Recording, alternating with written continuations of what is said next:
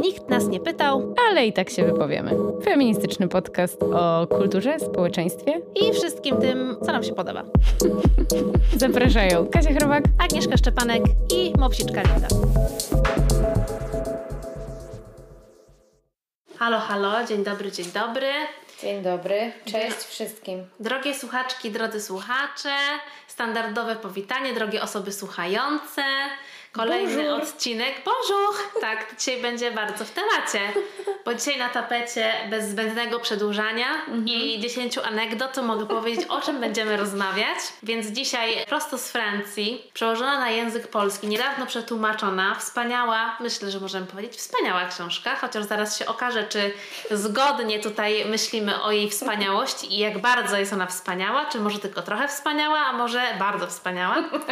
Wymyślić miłość na nowo jak patriarchat sabotuje relacje między mężczyznami a kobietami. No, Mony... sam tytuł jest wspaniały. No to już jest wszystko, tak jak tytuł naszego podcastu. Wiadomo. Autorką jest Mona Szole. Oui, Mona Szole. Mona Szole. Muszę się upewniać, bo Kasia tutaj jest, y, dzisiaj występuje w roli specjalistki.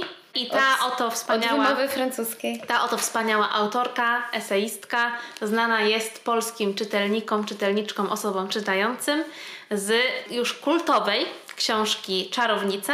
Niezwyciężona siła kobiet. Dokładnie. Więc autorka ta powraca z nowym tomem esejów, które po prostu są natchnione orężem Bell Hooks, mhm. więc wiadomo, że my jesteśmy zachwycone w tak. jakiejś mierze chociaż dopiero wspaniałość książki będzie ustalana w toku podcastu. Tak, no ale samo poruszanie tematu miłości już propsujemy, bo uważamy, że temat ten należy rozwijać, a uczucie to czy też działanie, jak jest opisywana miłość w tej książce, tak. to działanie należy w sobie też rozwijać jego tak. umiejętność. I pracować nad nim. Zastanawiałyśmy się, jak tutaj dać wprowadzenie w karby tego tematu, o którym chyba można by pomyśleć, że powiedziano już wszystko o tej miłości. Że każda piosenka jest o miłości, każdy serial czy film jest w jakiś sposób o miłości. Każda po prostu bajka. Każda bajka, e, a już w ogóle te bajki to już są przepełnione tymi toksycznymi e, wzorami. wzorami miłości i można powiedzieć, Jezu, co jeszcze można powiedzieć o tej miłości? Ale właśnie ta książka pokazuje, że o tej miłości to można i trzeba mówić w bardzo wielu odsłonach i trzeba dekonstruować te wyobrażenia, które o miłości mhm. mamy bo ta książka, chociaż jest esejem i jakimś takim przeglądem wielu przykładów związanych z tym, jak ta miłość toksycznie jest nam podawana i jak najbardziej jesteśmy naszpikowani od najmłodszych lat jej wizjami właściwie, chociaż one czasami mogą się wydawać bardzo niewinne, no to właśnie e, ta dekonstrukcja tego, tego modelu miłości i tego, w jak te płcie mają się dwie w niej odnaleźć, bo nie ma tutaj co ukrywać, że ona skupia się głównie na tym, jak w tym takim popularnym modelu miłości tańcują ze sobą osoby heteroseksualne. Tak. I jest też bardzo ciekawy wstęp w tej książce i prolog, mhm. bo mamy i wstęp, i prolog, mhm. gdzie ona trochę, wydaje mi się, mądrze asekuracyjnie tak, dekonstruuje tak. w ogóle tą miłość heterycką i zderza ją w ogóle z takimi obrazami i takimi spostrzeżeniami osób y, homoseksualnych, czy to y, żyją, kobiet i mężczyzn żyjących z, z osobami tej samej płci, w związkach z tym pojmowaniem heteryckiej miłości, że oni w ogóle nie wiedzą, ci co ci heterycy w ogóle mają w głowie. Mhm. Podaję też kilka świetnych takich przykładów, czy to jakichś tam stand-upów, czy kont na Instagramie, mhm. które to w jaki sposób heteropary ze sobą po prostu walczą właściwie w tych związkach, mhm. jak bardzo się ze sobą męczą i że po prostu wszyscy mogliby się w końcu poddać i zostać homoseksualni w skrócie.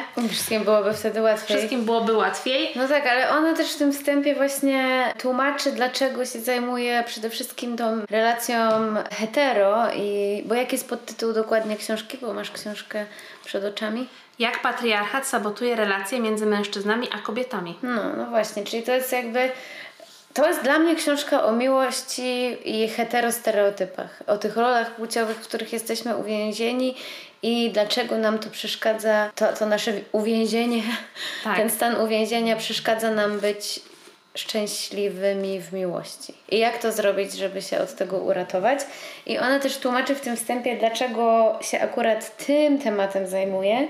No bo podniosły się takie głosy w ostatnich latach, że ci biedni mężczyźni No oni już nie wiedzą, co oni mają robić. No, oni już są tak biedni. To tego im nie wolno, tamtego im nie wolno. I teraz proszę bardzo, okazuje się po latach, że oni nie wiedzą, jak się w tej rzeczywistości odnaleźć, bo po prostu zaczęło się głośno mówić o przemocy wobec kobiet, od, od mitu, o, przez różne tematy, które jakby coraz bardziej dochodzą rzeczywiście do głosu. Mówi się o luce orgazmowej, nie tylko płacowej. Mówi się o tym, że to właśnie jest, żyjemy w kulturze, która no, daje więcej miejsca na przyjemność mężczyznom nie dbają za bardzo o przy, przyjemność e, kobiet. Mówi się o konsencie, mówi się o niewidzialnej pracy kobiet i o tym, jak, jakim obciążeniem jest taka domowa logistyka.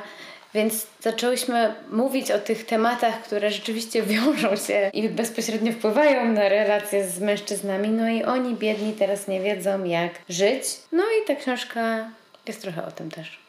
No trochę o tym, a trochę też na przykład z mojej perspektywy, znaczy ja się cieszę, że ona mówi o tym, doś, jakby o tym doświadczeniu heteroseksualnej miłości, bo trudno, żeby opowiadała o czymś, co nie jest jej znane też, mm -hmm, nie? Mhm, tak. I no to jest esej, więc jakby siłą tej książki jest to, że mimo tego, że ona ma tam no 300 stron, więc też jakoś w sumie niedużo, ale się leci po prostu przez te mm -hmm. strony. To nie jest taka, wiecie, rozprawa, że naukowe jakieś podejście do tej miłości, chociaż tych przykładów jest bardzo dużo i przypisów jest tutaj mnóstwo, chociaż one nie są porozwijane, więc po prostu są to jakieś odniesienia dla tak. kogoś, kto chciałby zgłębiać temat gdzieś e, dalej. Mhm. I po tym e, się naprawdę gdzieś tam płynie. Mm, no dla mnie ta książka była trochę takim balsamem. Mhm. Ze względu na jakiś taki moment mój życiowy, e, znowu singielski i takiego myślenia sobie o tym związku i też tego, o czym rozmawiam z moimi koleżankami, które są na przykład w podobnej sytuacji, że na przykład skończyły któryś już związek i mm, też nie ma jakby za bardzo takich przestrzeni, gdzie można by porozmawiać o tym, naszą główną soczewką, taką myślową o sobie, swojej tożsamości jest to, że jesteśmy feministkami. Mhm. No i dla nas deal breakerem zawsze jest po prostu to, że ktoś jest szowinistą i dla niego pewne rzeczy nie są oczywiste, jak po prostu no, nierówności, rozmaite nierówności, którymi mm. ten świat jest usłany, no to jakby dla mnie no jest to ciężki temat do, mm. do ogarnięcia, żeby to nawet chociaż nie był temat do otwartej dyskusji i przemyśleń. Mm. Żeby to nie było jakby in progress. Jeżeli mm. ktoś jest zamykany na te tematy, no to jakby do widzenia dla mnie. Tutaj nie ma o czym za bardzo... Nie chce się robić nie tej pracy się. u podstaw wykonywać w postaci ta, tak. uświadamiania człowieka. Trochę mi się nie chce, ale też jakby ta książka... Chciałabyś spotkać człowieka uświadomionego? Tak. Ja też. Chciałabym... Chciałabym, żeby wszyscy byli tacy. Tak, ale ta książka mi uświadomiła, jak wiele czasu my w ogóle poświęcamy na różne rzeczy, które mhm. są właśnie dookoła tej miłości, dookoła zakochania, dookoła dbania o relacje w ogóle z mężczyznami, mhm. że myślę sobie, że gdybym była facetem, to miałabym jeszcze więcej czasu i jakby mnie to wkurza, bo Aha, no, no, no. jakby masz mnóstwo tego czasu, jakby tych luk związanych z odrabianiem pewnych lekcji, jeżeli chodzi w ogóle o, o seksualność, o tą niewidzialną pracę, o tą mhm. domyślną i po prostu wkomponowaną ci opiekuńczość, mhm. że po prostu no podaj tutaj wszystkim tą herbatę, zatroszcz no. się o wszystkich i w ogóle no musisz jakby podwójnie gdzieś tam udowadniać pewne rzeczy. No. No jak sobie myślę o tym wszystkich takich jakby rzeczach, które jakby są z tą miłością powiązane, czyli jakoś takie dbanie o siebie, czy w ogóle sam jakieś takie nawet pielęgnacyjno-makijażowe rzeczy, mhm. czy w mhm. ogóle zastanawianie się nad relacją i w ogóle to, że co ona tutaj uświadamia w tej książce i dla mnie w ogóle to jest jedno z takich prostych zdań, ale bardzo takich uważam dobitnych, no. że kobiety poświęcają masę czasu, żeby zrozumieć mężczyzn, żeby o nich się czegoś dowiedzieć, żeby zgłębiać ich, a, a mężczyźni w ogóle tego nie robią że nie ma takich też no, adresowanych tekstów o kobietach, rozumiesz, że po prostu mężczyźni jakby to co kobiece to jest po prostu słabe, gorsze i po prostu ta kobiecość i kobiety nie są przedmiotem zainteresowania tak w takim ogólnym kulturowym znaczeniu. No tak, ona właśnie godnym.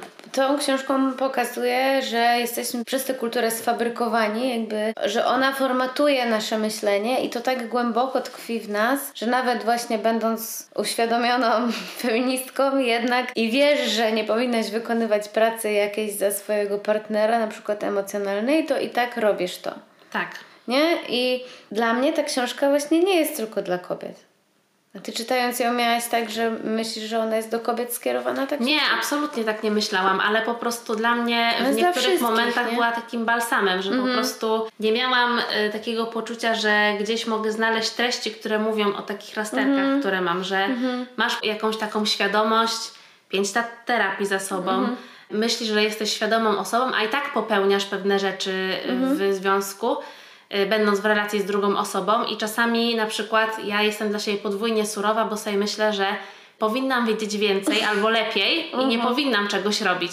Ale jakby ta książka też o tym mówi i ona też bardzo dobitnie pokazuje, że mimo tego, że możemy być super uświadomieni, mhm. super w ogóle przekonani na temat tego, co jest dobre i w relacjach i chcieć bardzo partnerskiego podejścia, to niektóre klisze są w nas tak głęboko wdrukowane i nasze przekonania na temat miłości, że nawet y, te przekonania są tak głębokie, że one się wydają oczywiste i my nawet nie zauważamy, tak. że coś jest do skonfrontowania i że każde takie doświadczenie, y, spotkanie z drugą osobą i jakaś relacja miłosna czy po prostu jakaś e, seksualna, czy po prostu jakaś randkowa, no uświadamia nas i gdzieś tam na jakimś, na jakimś momencie może uderzyć w tą strunę i sprawić, że okaże się, że coś jednak musisz sobie przeformułować. Mhm. I tutaj mam taki przykład z jednej z części, ale może mhm. najpierw, żeby była struktura, mhm. to może powiemy, że jak był ten prolog, jest mhm. wstęp, ale ta książka jest bardzo fajnie podzielona na takie cztery części, mhm. które w ogóle gdzieś tą opowieść o miłości układają, no bo ona tutaj nie wyczerpuje całego arsenału i w ogóle wszystkich takich aspektów podejścia do tej miłości, ale wydaje mi się, że fajny sposób je gdzieś tam zbiera. Wydzieliła sobie cztery. Tak. Mhm. No i pierwsze, no to mamy stać się malutką, aby być kochaną, niższość kobiet w naszym ideale romantycznym, mhm. czyli takie bardzo dosłowne i, i metaforyczne odniesienia związane z uniżaniem miejsca kobiet. Tak, umniejszaniem, zabieraniem im przestrzeni, tak. uznawaniem tego, co stereotypowo kojarzy się za kobiece, za mniej istotne, mniej ważne, mniej mądre. Tak. Tak no do tego tak wrócimy. Mhm. Mężczyźni ci prawdziwi, czego nas uczy przemoc domowa, no to w ogóle mega ważny temat związany z przemocą i zgłębiania w ogóle tego pytania, które wciąż się pojawia, dlaczego ofiary zostają w związkach przemocowych. Mhm. Strażniczki świątyni, miłość sprawa kobiet. Tutaj w ogóle takie po prostu odniesienie do tego, jak podchodzimy do miłości, co ta miłość znaczy i że ta miłość jest po prostu pracą. Mhm. Pracą, którą najczęściej właśnie my kobiety się zajmujemy. Dokładnie. Wielkie wywłaszczenie, stać się podmiotami erotycznymi.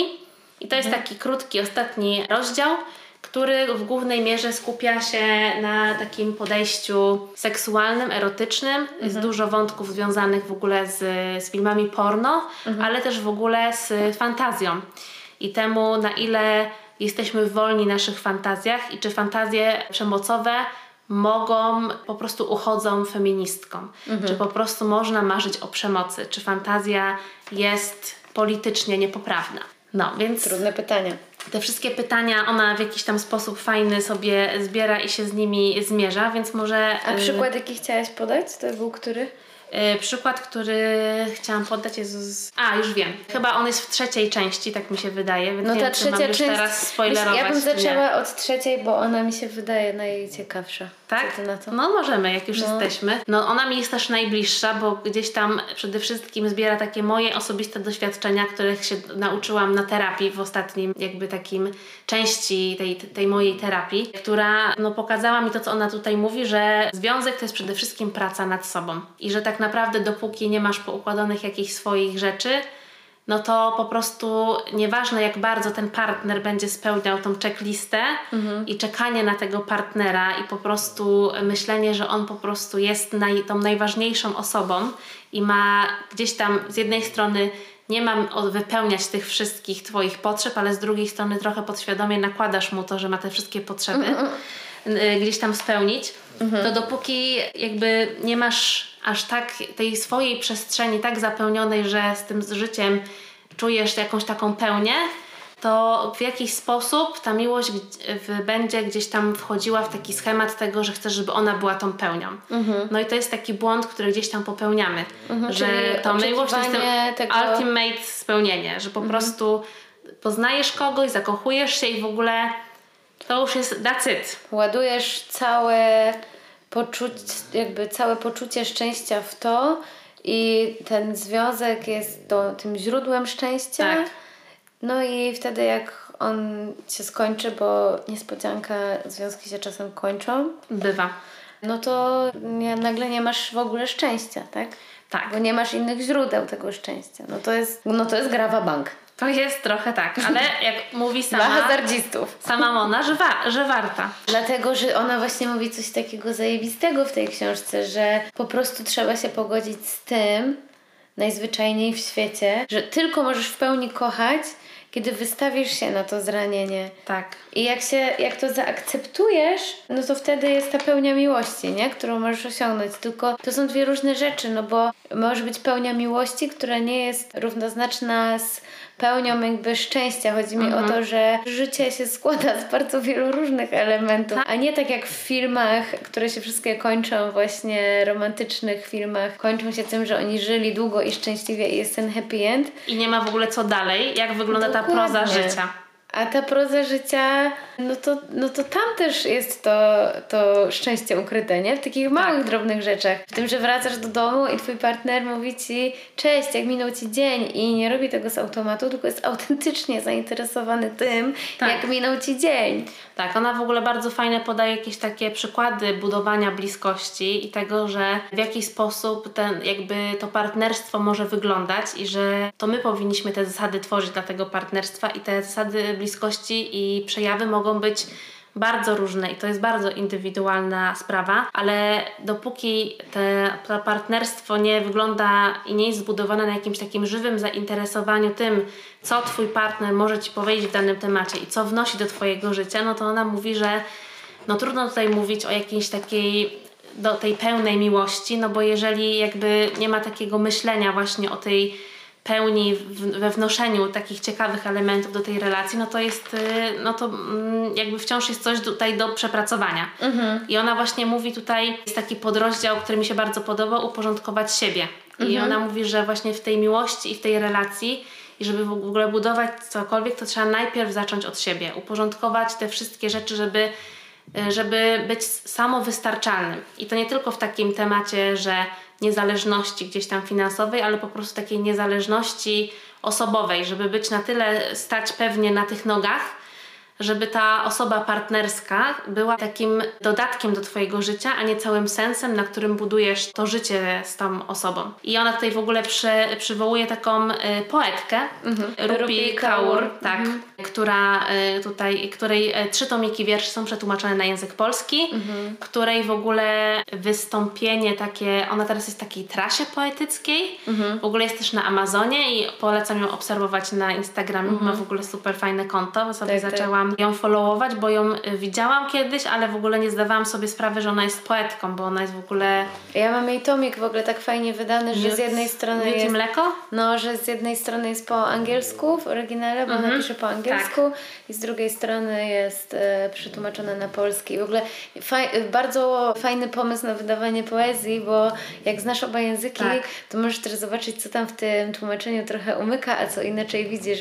Tak, bo nie super. wszystko się da przetłumaczyć. No, a ona pisze w ogóle głównie o miłości. Tak, tak, tak. Właśnie mhm. ona, y, dlatego ona ją tutaj bardzo przywołuje mhm. i ona właśnie skupia się na tym takim, co moglibyśmy teraz, o czym też pisze bardzo fajny sposób Mona, takiej kapitalizacji tego potencjału Twojego, że po prostu wszystko musisz teraz ogólnie gdzieś tam zwane hejo, które rozpoznajemy to hasło w naszym polskim grajdołku. No że po prostu taki self-care, skupienie na sobie, odnajdywanie swojej drogi, spokój, medytacja i w ogóle jeszcze nie wiadomo co. No. I w ogóle takie podejście do tego wszystkiego, no oczywiście terapeutyzacja każdego w ogóle etapu swojego życia. I może być to oczywiście w jakiejś tam mierze temat, który gdzieś tam wydaje nam się, że już trochę nim żygamy, bo gdzieś tam ulewa się, że powinniśmy zrobić to i tamto dla siebie, ale no, w jakichś takich zdrowych proporcjach i przemie, jakby mierzone swoją miarą, no to to ma jednak jakieś takie dojście do tego właśnie uporządkowania siebie. Mhm. Że przede wszystkim uporządkowanie siebie powinno się odbywać ze sobą, a nie jakby poprzez relacje. Mhm. I tutaj właśnie... Do... Tak, że po prostu niebezpieczne jest to, żeby czekać na to, że przyjdzie ten ktoś i nas zbawi. Tak, ale I właśnie... że spotkamy te osoby na swojej drodze i już wszystko będzie ok. No... To też już niejednokrotnie mówiłyśmy w podcaście, że niestety też trzeba się pogodzić z tym, że być może nie spotkasz tej osoby. Tak, Marta Niedźwiecka mi to powiedziała. No. Ja się z tym pogodziłam. Jest to oczywiście trudny odcinek, ale ja e, bardzo polecam, że nie każdemu jest pisane. Mhm. Wszyscy powinni dostać sprawiedliwie na świecie dużo i obficie, ale tak, tak, się nie dzieje. No i ona mówi, że to oczywiście przekonanie o tym, że ktoś przyjdzie i się nami zajmie, jest mm. bardzo głęboko wdrukowane w kobiety i tłoczone mm. w tych wszystkich mm. przekazach, że mhm. my w jakiś sposób czekamy.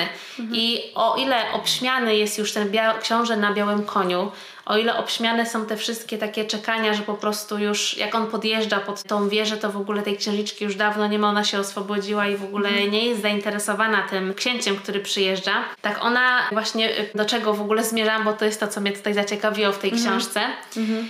Y, mówi, że w swoich, wśród swoich koleżanek, które są w ogóle w jakiś tam sposób niezależne i y, na przykład prowadziły bardzo długie, długo singielskie życie i potrafią o siebie zadbać, mają wszystko poukładane, to w pewnym sensie zdały sobie sprawę, że jak e, wchodziły w takie związki partnerskie, że miały jakieś takie poczucie ulgi, że teraz nagle ktoś się nimi zajmie. Mhm. I to w ogóle jakby jest coś takiego, o czym w ogóle, że ja też miałam takie poczucie, że jak weszłam w związek, w którym się czułam bezpiecznie, to nagle poczułam ulgę i jakby nie wiedziałam o co chodzi. I dopiero niedawno sobie uświadomiłam, że to, co ta książka mi uświadomiła, że to jest właśnie ten wdrukowany jakieś taki, takie poczucie bezpieczeństwa, które powinien mi zapewnić mężczyzna, przy którym się dobrze poczuję. Chociaż w ogóle absolutnie nie liczyłam na niego pod takim kątem, ale miałam jakąś taką ulgę, że okej, okay, to jest jakby ten moment, mhm. że ktoś się w końcu mną zajmie. I to jest jakby mimo tego, że masz to zaplecze feministyczne, w ogóle nie jakąś taką mocną strukturę związaną z tym, że niezależność jest bardzo dużą kartą przetargową, ale też jakąś taką, takim spoiwem tożsamościowym, żeby liczyć na siebie i móc mm. polegać na sobie, to to, że kobiet, u kobiet się pojawia jakaś taka ulga, kiedy pojawia się ten mężczyzna, który wydaje się gdzieś tam sensowny, zaradny i tak dalej, że okej, okay, niech się nam zaopiekuje. Mhm. I to mhm. jest jakieś takie poczucie, które masz, nie wiesz skąd, ale ono jest po prostu mhm. we wszystkich takich obrazach, i, które konsumujemy, które mhm. są poświęcane miłości. No jest taka jakaś narracja, która staje się przezroczysta w pewnym momencie, tak. nie wiesz właśnie skąd ją masz, skąd ją nabyłaś, ale jest tak głęboko w tobie, że to uczucie nawet tak. nie jest do końca dla ciebie wyjaśnialne, ale po prostu cię ogarnia. No bo to jest ten happy end, na który wszyscy czekają, nie? Ale nikt ale nie mówi co potem. Pomyśl sobie, że to też jest takie złudne uczucie często, dlatego że no wiele jest też historii takich, że to jednak kobieta prowadzi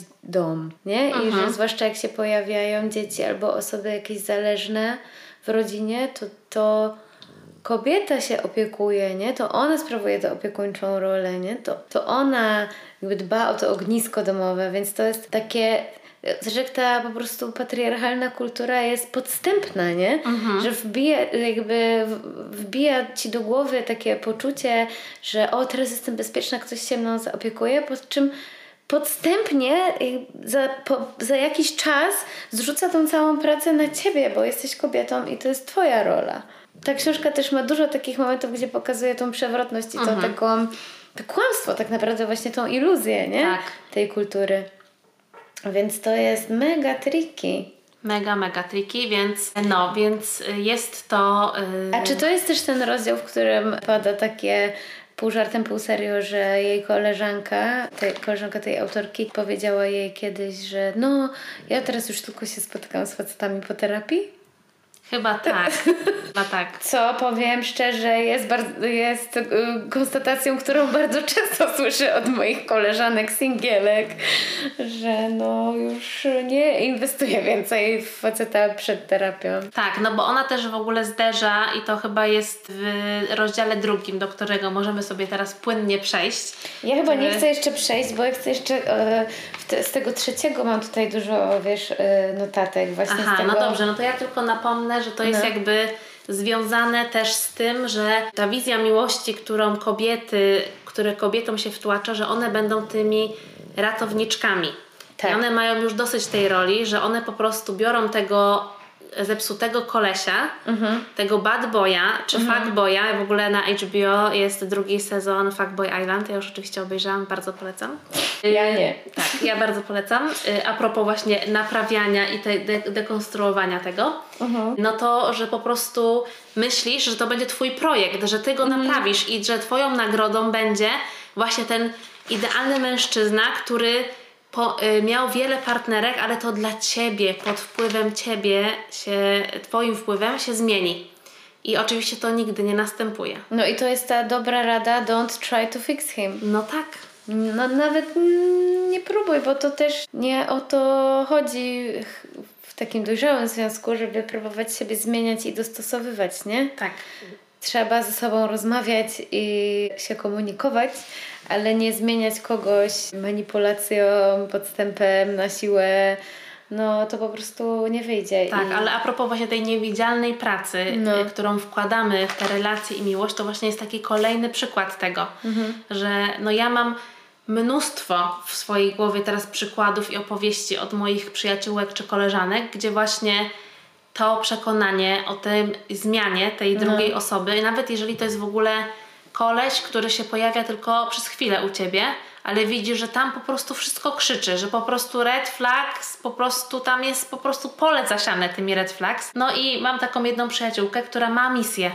I ona po prostu próbuje tam, wiesz, powiedzieć, wie, że to już w ogóle nie jest potencjalny partner, ale ona po prostu musi powiedzieć ze swojej perspektywy, tu przekonać, tu pokazać dobrodziejstwa terapii, to z takiej strony podejść, tu takie przykładać, takie materiały podesłać. I to jest w ogóle taka doza energii, którą ona by mogła poświęcić nawet na self-care, odpoczynek, cokolwiek mhm. swojego, ale poświęca właśnie komuś innemu. No, I to jest kurde wypalające. No być może, jakby mam nadzieję, że będzie to moment, kiedy dojdzie, dlaczego tak robi, no bo jakby... No ale właśnie tak robimy, no bo też jesteśmy tego nauczone, że No właśnie, no ale ratowniczki. to musi przyjść do ciebie to, bo no. jak ja bym ci to powiedziała, to wiesz jak to jest, nie? Mm. Okej, okay, ty sobie gadaj, ale jeżeli ty sama do tego nie dojdziesz, no to każdy sobie może tym grochem o ścianę. No tak, i to jest jedna właśnie z tych rzeczy, którą ona opisuje w, te, w tej trzeciej części tej książki. Ta, ta miłość jako sprawa kobiet, czyli znowu stereotyp płciowy, szkodliwy dla nas i tak samo dla facetów, bo mężczyznom wpaja się tam chłopcom nawet właśnie w, na etapie jakiejś edukacji, ich socjalizacji do bycia mężczyzną. Mhm. Pokazuje cudzysłów. Pokazuje, potwierdzam. Że im się wpaja pogardę dla miłości, nie? Tak. Bo jeżeli ktoś za dużo mówi o uczuciach, jako nastoletni chłopiec, to pewnie od razu pedał tak, albo tak, coś. Tak, no więc tutaj bardzo szybko następuje ta nauka, że mm, chłopcom nie wypada o takich babskich tematach gadać, a z kolei kobietom wbija się do głowy, że właśnie to jest nasza rola, nasza misja, nasze zadanie tak. i nasze przeznaczenie. I że to jest jedyna droga do naszego szczęścia. Nie uczy się dziewczynek raczej właśnie tego, o czym mówiłaś wcześniej, czyli takiego mm, budowania poczucia szczęścia na samych sobie, nie? Tak. Że dopiero się staniemy tymi pełnymi ludźmi, kiedy tą drugą połówkę znajdziemy, a peł, jakby peł, do pełni kobiecości jeszcze oczywiście musimy dzieci przynieść na ten świat, bo tak tylko, by lepiej. Tylko wtedy będziemy prawdziwymi kobietami, więc oczywiście takie rzeczy słyszymy i potem nic dziwnego, że musimy chodzić na terapię. jak życie nic dziwnego.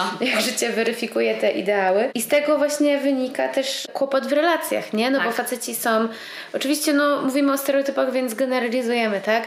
Faceci są częściej oziębli, nie? To już padło wiele tak, różnych... Tak, po prostu gdzieś tam zamknięci na takie szczere rozmowy, czy w ogóle rozwlekanie, że nazywane jest to w memicznym świecie overthinking, że po mhm. prostu oczywiście jest coś takiego, y, co gdzieś tam w terapii się diagnozuje, że zbyt jakby przemaglowywanie jakiegoś wątku zbyt wiele razy w jakimś tam aspekcie mhm. jakby może sprowadzić na ciebie tylko jakby obsesję i po prostu stapyt, mhm. ale w ogóle y, no wkładanie to do jednego worka z tym, że chcesz się konfrontować na temat swoich uczuć, chcesz mhm. powiedzieć o tym jak się czujesz albo przedyskutować to, co się dzieje w relacji i że to jest ważne, żeby rozmawiać o tym, jak się czujemy, co czujemy i jakby czego potrzebujemy, mhm. jakie są nasze potrzeby i w ogóle wyrażanie też potrzeb. My w ogóle nie mamy ani kobiety, ale już mężczyźni to w ogóle nie potrafią powiedzieć, czego oni potrzebują. Bo... No bo mają bardzo często problem z kontaktem z tymi uczuciami. Tak. Nie? Właśnie padło wiele takich słów, o tym też w odcinku naszym o Bell Hooks, bo ona tam też się zajmuje tym etapem socjalizacji chłopców i tym, co im jest amputowane tak. jakby w tym procesie. No ale to powoduje potem problemy właśnie związkowe, bo my tutaj dbamy, dopytujemy, a o czym myślisz, a kochasz mnie, nie? To mhm. takie typowo kobiece, stereotypowo też znowu teksty, nie? I te nasze zagwozdki, że o co, co on myśli, czemu on milczy, czemu nic nie mówi, próba odgadnięcia, dlaczego ma zły humor. No a właśnie, kiedy można byłoby to w rozmowie, no ale te rozmowy nie są łatwe też dla, dla mężczyzn, dlatego też, że nie są tego uczeni. No i ona też tutaj pisze coś takiego zarąbistego, że heteroseksualizm jest podstępem patriarchatu. Tak.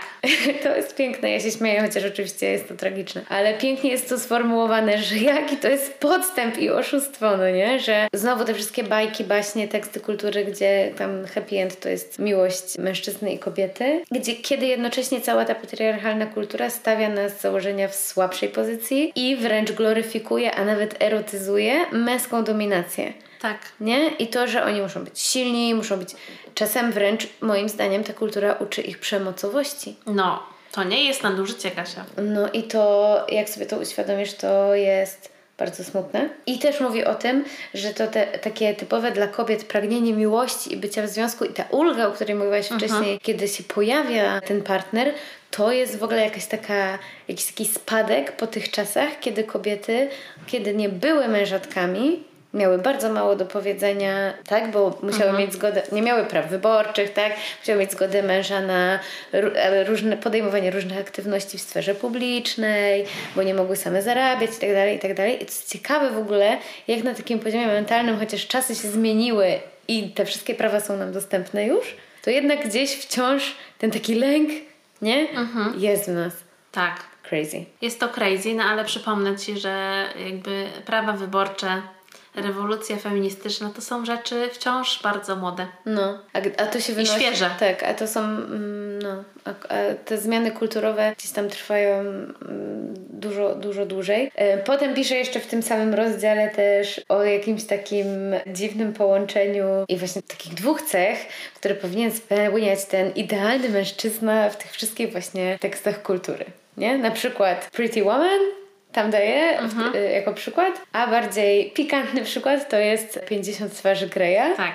Powieść erotyczna, która zrobiła furorę na całym świecie.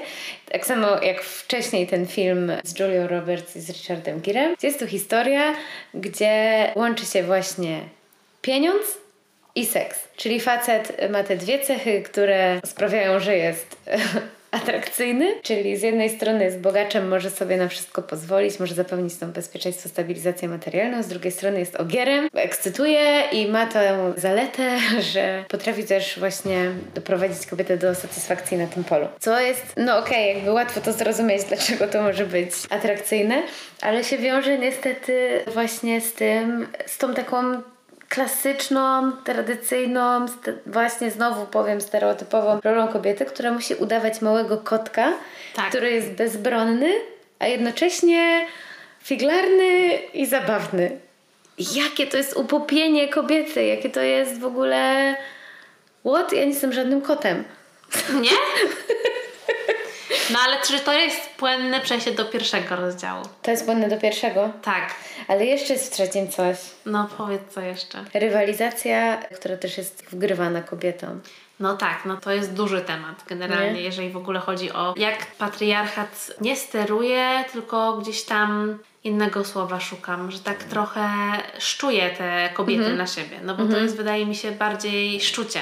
Tak. Że po prostu Mówiła też o tym Chimamanda Ngozi Adichie w, w, tym sławnym, w tym sławnym wystąpieniu Why We Should All Be Feminist i w tej książce, która jest jakby też y, pokłosiem tego wszystkiego, że nie uczymy dziewczynki takiego wspierania się i takiej zdrowej rywalizacji, tylko takiej rywalizacji, która jest y, na takich kategoriach związanych bardzo z oceną związana. Mhm. I ten mechanizm porówna, porównywania się, bo to głównie o to chodzi, że my się między sobą porównujemy i to wartościowanie jest bardzo destrukcyjne, mhm. niszczące, no i sprowadza się do tego, że no i ta sama ocena i ta w ogóle jakieś takie samo stanowienie o sobie no trudne jest do osiągnięcia. Mhm. I to hasło związane z tym, że które w ogóle jest już no, trochę zdewaluowane przez internet, żeby kochać siebie, mhm. no jakby to brzmi super cheesy, mhm. ale jest też no, jest też po prostu prawdą. No, no nie, ma się, nie ma się co tutaj oszukiwać, że bez tej miłości do siebie, jakkolwiek, no nie wiem jak można to inaczej znaleźć. No to jest też trzeba odzyskać to hasło miłość z tych mhm. cheesy tekstów i tego mhm. po prostu takiego przesiąkniętego jakiegoś dziwactwa prze, przez nią, że, że ta miłość związana jest po prostu z jakąś troską, tak. którą wyrażamy nie tylko w stosunku do innych, ale także do siebie. Tak. Bo RuPaul powiedział już dawno, że jeśli nie kochasz siebie, to w jaki sposób możesz w ogóle pokochać kogoś innego. No, no i to jest jakby prawda terapeutyczna, za którą jakby czasami potrzeba pięciu lat terapii, żeby, żeby, ją, żeby do odkryć. tego dojść, ale to też jakby może potrzeba kolejnych pięciu, żeby rzeczywiście dowiedzieć się, jakby co ta miłość dla mnie e, oznacza, bo oprócz takiego szacunku, który do siebie mamy i znajomości swojej wartości, no to jakby ten mechanizm właśnie destrukcyjnego porównywania się no musi też zniknąć z Twojego mhm. słownika i z Twojej głowy, bo bez tego po prostu nigdy ta stabilność nie będzie jakby sprawiała, że będziesz na tych nogach twardo, tak. pełna, po prostu czuła się czy czuł się. Bo jeżeli nie masz właśnie tego uczucia, takiej pewności, tylko właśnie porównujesz się wciąż do innych, to robisz też, podkładasz świnie innym, bo czujesz, że on, one w tym wypadku, inne kobiety tobie zagrażają. Tak o ile łatwiej byłoby nam e, zamiast ze sobą rywalizować, wspierać się, nie? Bo to się łączy z takim innym hasłem, które ona przywołuje w tym rozdziale, czyli z tą mentalnością niedoboru. Mhm. Czyli, że wydaje się nam, i tak nas uczy też kultura, w której wzrastamy, że pewne dobra są jak tort. Jest ograniczona ilość kawałków. Jeżeli ktoś sobie ukroi większy kawałek, to dla mnie nie starczy. No, ale życie nie jest tortem. Jak to? nie jest też pudełkiem czekoladek, chociaż te... Chociaż te metafory są silne. Są smakowite, ale y, no to nie jest tak. Nie o wszystko musimy ze sobą rywalizować. Sharing is caring. Sharing is caring i też tych miejsc przy stole, jeżeli zabraknie miejsca przy stole, to zróbmy większy stół, bo to są też te hasła, tak. nie? które padają w tym kontekście, żeby tą niezdrową rywalizację zakończyć. Nie tylko kobiet między, między sobą, ale w ogóle rywalizację międzyludzką, no to, no to właśnie że... wciąż musimy poszerzać te, te stoły, dostawiać tak. tych krzeseł, robić bardziej zbierające mikrofony albo robić tych większy dostęp do mikrofonu, żeby wszyscy mogli się tak. powiedzieć. No nie? jakby puentując, to jakby nie chodzi o to, że jeżeli zajmiemy się moimi interesami, to na, tw- na Twoje już mhm. nie starczy czasu, bo to jest y, wszystko do pogodzenia. Tak. I ostatnia Zmiana rzecz, perspektywy. Chcę... Tak. I ostatnia rzecz, którą chcę wrzucić z tego rozdziału, chyba, bo tak jeszcze przeglądam notatki, ale ostatnia taka, na której bardzo mi zależy, żeby wrzucić, to było pytanie, dlaczego patriarchat trwa? I no właśnie trwa, bo jest wciąż żywy w nas samych, a skoro tak, to żeby dokonała się polityczna zmiana, to, to ona w dużej mierze zależy od naszej wewnętrznej właśnie transformacji psychologicznej, nie? To... Ona mówi, że trzeba po prostu zrewolucjonizować podejście do miłości. Mhm. Że jeżeli my będziemy tworzyć i włożymy tą pracę w to, żeby te relacje były lepsze, czyli zaczniemy najpierw od siebie i będziemy w te relacje wchodzić na tych pewnych nogach, z tą, z tą taką pełnią, którą mamy ze swoich zasobów, a nie czerpać, mając nadzieję, że tą po prostu studnię ktoś inny napełni, mhm. no to ta miłość zostanie zrewolucjonizowana. Tak. Tylko brakuje tu tutaj jednego, o czym ona nie pisze, że jakby trochę w domyśle znowu to jest praca, którą muszą wykonać kobiety. Właśnie pisze, że powinniśmy zacząć uczyć też chłopców, że może oprócz poglądów można również wyrażać uczucia. Tak. A dziewczynki, że oprócz, jakby, że oprócz maskowania swoich poglądów, żeby nie wyjść za, na zbyt mądrą albo zbyt wygadaną, no jakby są też inne drogi. Można też właśnie się wypowiadać, a nie tylko zajmować się... Tak. Więc oprócz takiego po prostu dekonstrukcji tych sposobów wychowania i tych klisz, które mhm. mamy związane z tym, co powinny dziewczynki, a co chłopcy, to samo nasze podejście do miłości tak. powinno być też no rozłupane jak ten orzech. Tak jest. Tak no ona może przestać wywracać oczy, oczami, jak słyszymy słowo miłość, bo miłość nie jest cheesy, tylko miłość jest tą głęboką... Miłość jest cool, miłość jak ona jest mówi. cool, naprawdę taka Musimy prawdziwa... sprawić, żeby miłość była cool znowu, no. ale nie tak cool, że, że właśnie Pretty Woman i, mm-hmm. i 50 twarzy Greya. Mhm. Tylko no, miłość jako ta rzeczywiście taka moc tra- transformacji, nie? Tak. I budowania tego lepszego świata. No, to jak chcesz, to możemy przejść do tego drugiego rozdziału, najdłuższego. Możemy. Ale chyba trzeba zrobić dwie części, tak jak mówiłaś. Bo jest już 45 minut. A, no dobra.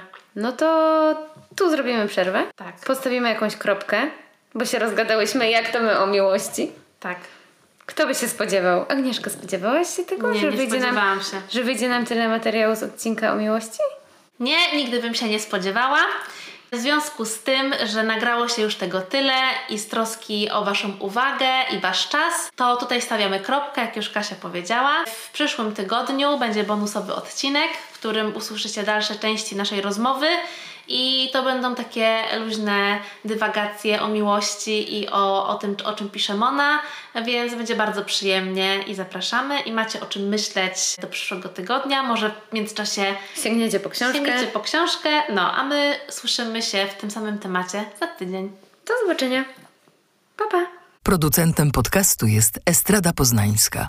Wszystkie odcinki znajdziesz na estradapoznań.pl.